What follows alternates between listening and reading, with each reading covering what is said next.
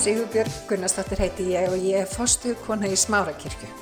Við langar til þess að bjóða þið velkomin í hlaðvarpan okkar en hér ætlum við að tala uppbyggjandi og hvetjandi orð. Ég vona svo sannlega að þetta blessi þig og hveti þið áfram til að gera góða hluti í lífinu. Góðan daginn kæru vinir, þess örfáið sem eru í salnum og þess sem heima eruð eða hvar sem þið eruð að hlusta. Eh, enn og aftur velkomin á samkomi smára kirkju við þakkum fyrir lofgjöruna dásanlegu. Það er indislegt að fá að vera saman og lofa drottin. Eh, þetta er búið að vera viðburðarík vika hjá okkur fyrir utan áframhaldandi COVID sem að vonandi er samt á undanhaldi, treystu því að þá er það járstjálta sem skekja jörðina og, og, og hrista allt til og frá og eh, það margt af þessum sem far mann til að hugsa um, um líðan okkur og hvað við erum að ganga í gegnum og uh, mér langar í dag bara örstuðt að líta á nokkuð vers úr Mattius og uh, kíkja þar á orð Kris og láta hann og leifunum að kenna okkur örlítið þaðan úr. Við erum gjörn á að hafa áhyggjur og það er ekkert óeðlilegt í ákveðnum kringustafum. Ég er ekki að tala um umhyggju, að bera umhyggju fyrir hlutum, það hefur við alltaf að gera.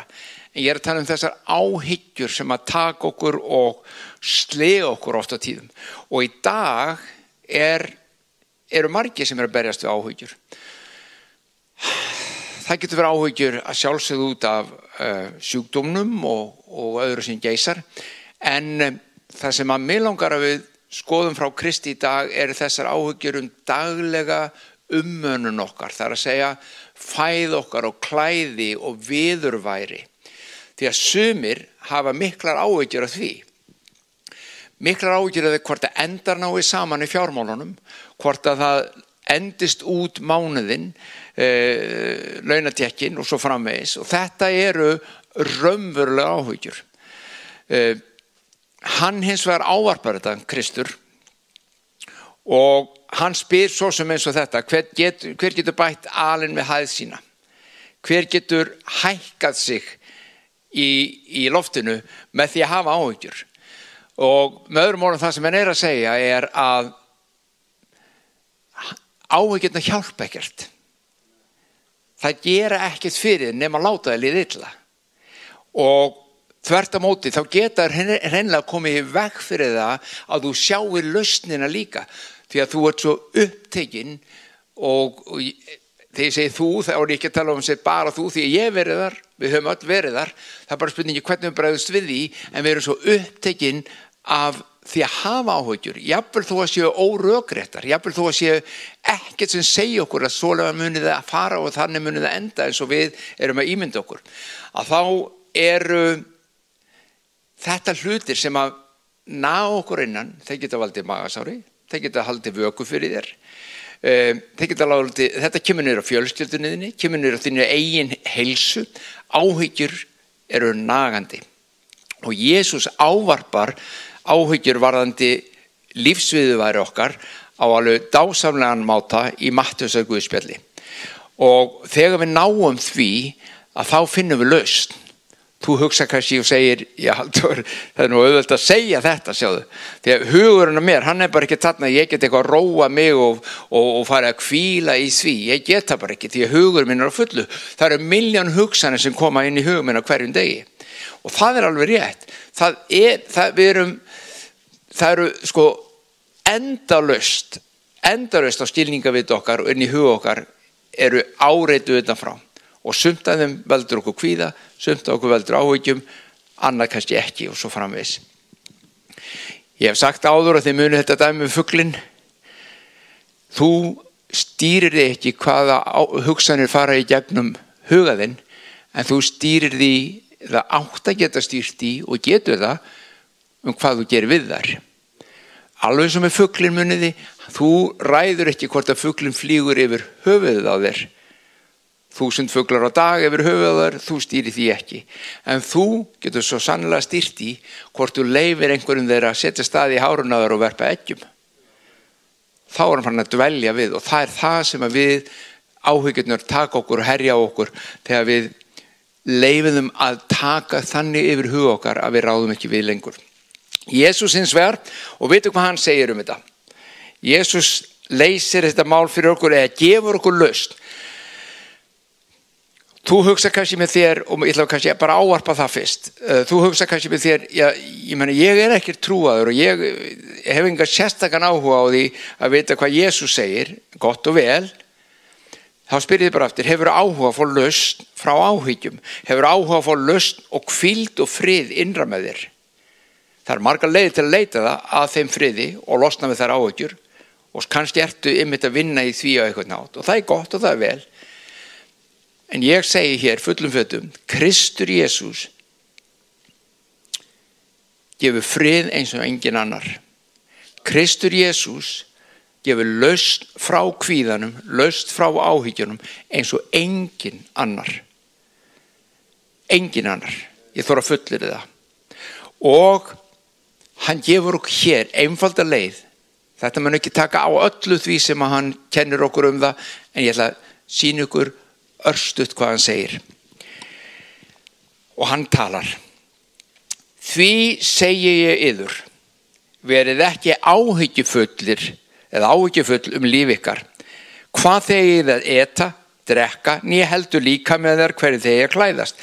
Þetta er þess að daglu áhyggjur um, um viðværi okkar. Um mat og drikk og, og, og hérna, hvort af fjármagnið til staðar og hvort, hverju við um að klæðast. Svo segir hann, er lífið ekki meira en fæðan og líka minn meira en klæðin? Lítið til fuggla heimisins, hvorki sá þeir nýja uppstýra, nýja sapna í hlöður og fadir eða himnesku fæðir þá. Eru þeir ekki miklu fremri þeim og hver getur, hver eðar getur með áhegjum aukið einni spönn við aldur sinn, þarna kemur þetta aftur, getur þau lengt líf þitt með því að hafa áhegjur? Nei, þvert á móti, þá hafa sína rannsóknir að það er frekar að það stitti lífðitt að hafa áhugjur. Jésús er hins vegar bara að nota þessi líkjung og segja, nei þetta, ég er bara að segja ykkur kæri vinnur að, að áhugjurnar hjálpa ekki neitt og þessi setning er lífið ekki meirinn fæðan og líka með meirinn klæðin. Þannig er hann að byrja að segja okkur heyri, það er meira í lífinu heldur um bara matur og drikkur og í því að finna þann lindardóm lífsins þá finnum við löst við áhyggjunum. Og það er það sem hann er að byrja að kenna okkur hér. Svo segir hann og hví eru þið áhyggjufull um klæðinað Hyggið að liljum vallarins, hversu þar vaksa, hvort ég vinna þannig að spinna, en ég segi yfir, jáfnvel Salomón í allir sinni dýrð var ekki svo búin sem einn þeirra. Og fyrst Guð skrýði svo gras vallarins sem í dag stendur en á morgun verður þið optkastað, síldan þá ekki miklu fremur klæða í ykkur. Þið trúlítil. Af hverju er þetta svona erfitt?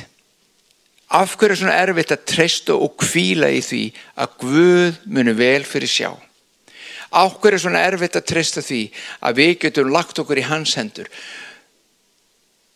Hann reyndi að gefa okkur lausnuna eftir því svo ég ætla ekki að svara alveg strax, það kemur.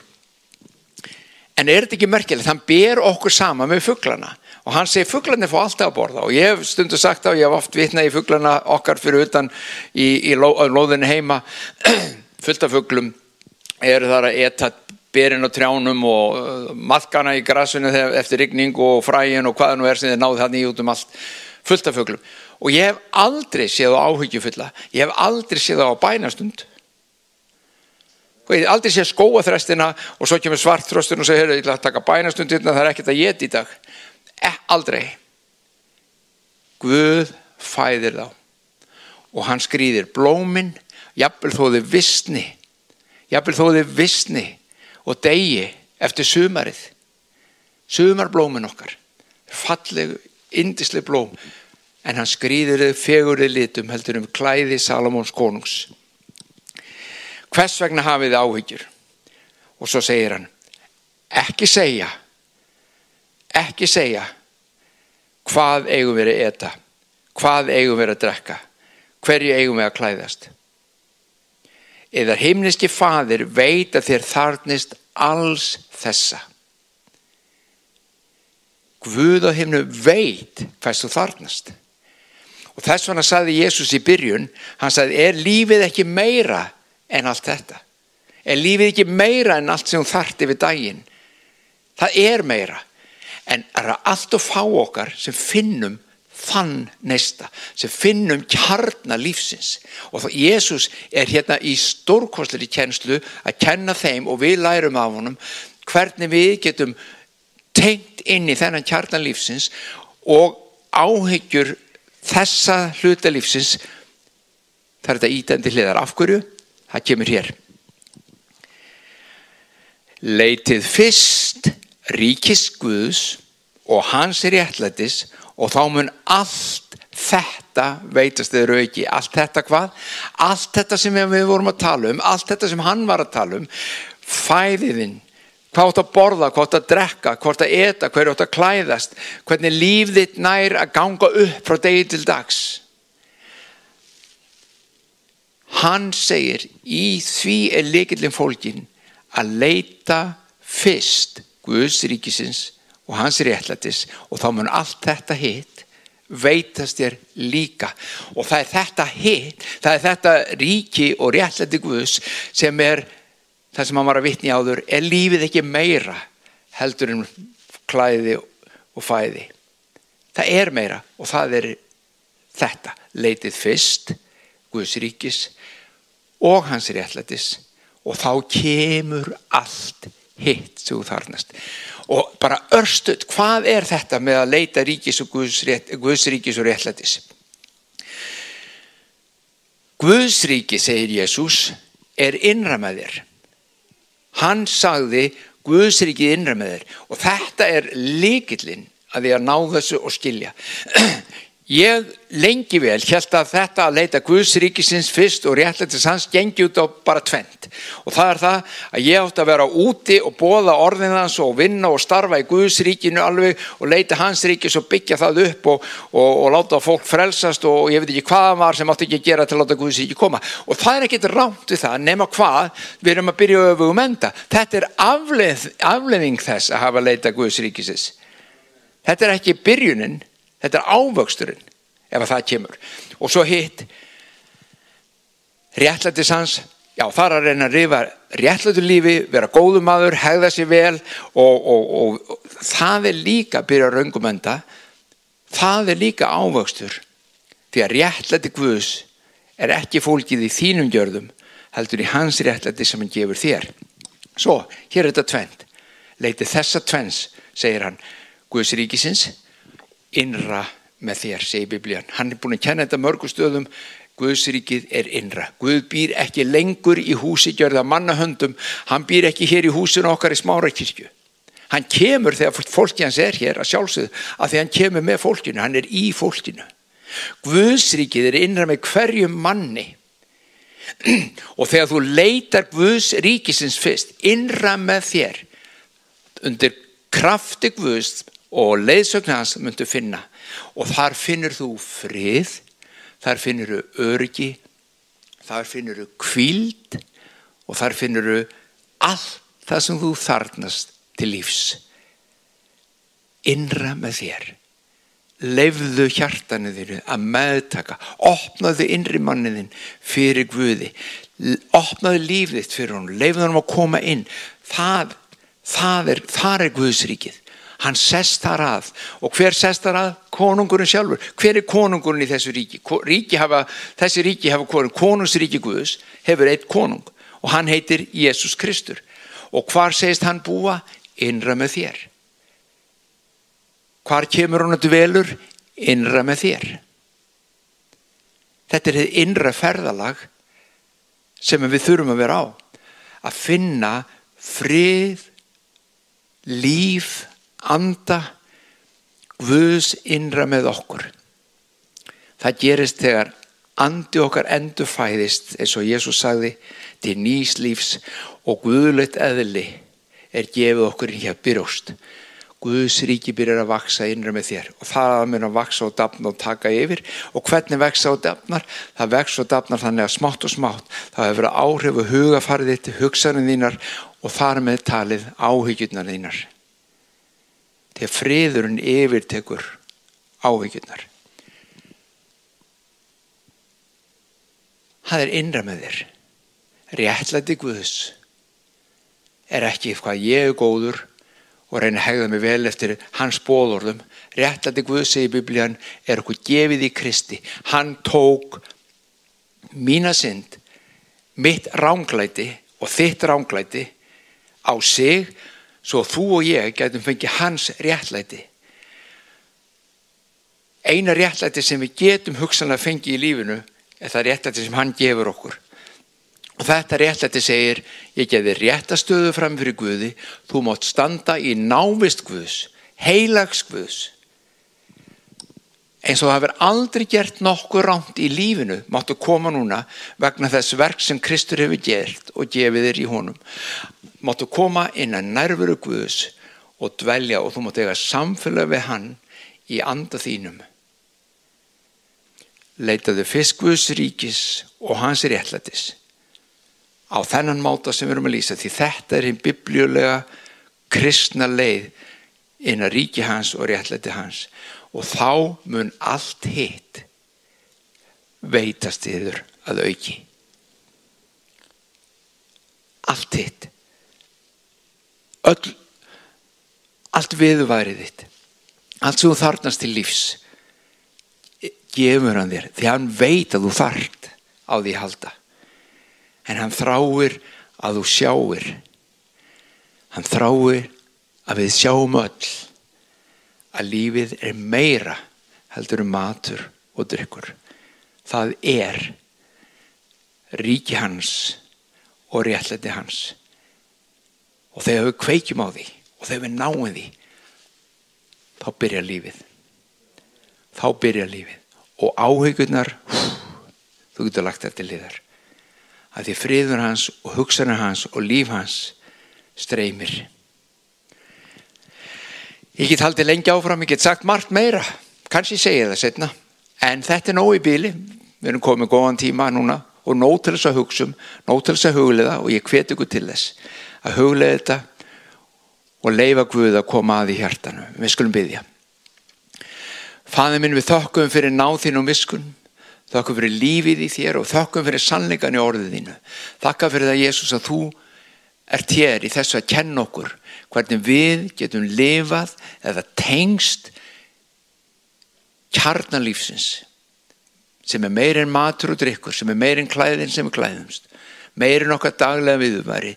Það er samfélagið við þig í þínu ríki, í þínu réttlæti.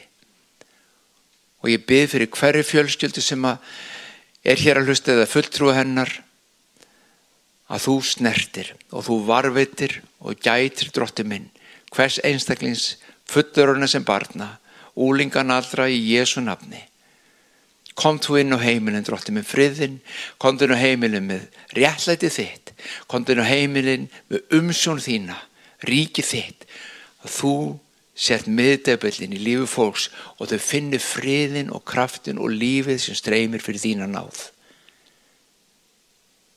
Takk Jésús. Og ef er einhver sem ekki hefur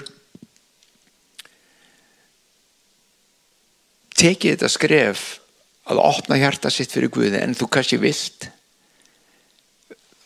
Mér langar að byggja um að byggja bara með mér.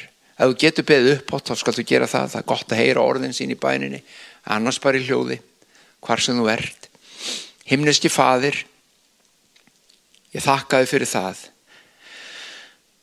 Að ég má koma fram fyrir þig með líf mitt allt. Ég opna hjarta mitt fyrir þér og ég meðtek réttlæti þitt. Ég afhendi þig ránglæti mitt synd mína og vannmátt og meðdekar réttlæti þitt og ríki þitt inn í mitt líf. Þakka fyrir að ég má tilera þér, vera þitt barn. Og þakkaði fyrir það fadir að í þér þarf ég ekki að hafa áhyggjur. Ég þarf ekki að hafa áhyggjur á morgundeginum, ég þarf ekki að hafa áhyggjur. Hver ég á að, hvað ég á að borða, hvað ég á að drekka, hverju ég á að klæðast. Því þú þekkir þarfir mínar og myndu vel fyrir sjá. Amen. Guð bless ykkur elsku vinnir gleymið ekki hann er leikillinn að þeim frið sem þú þarnast til að ávíkjur þínar hverfi sem dög fyrir sólu. Guð bless ykkur. Ég hveti til þess að stilla inn á okkur með reglum hætti því að hér verður alltaf eitthvað nýtt á nálinni. Takk fyrir að hlusta.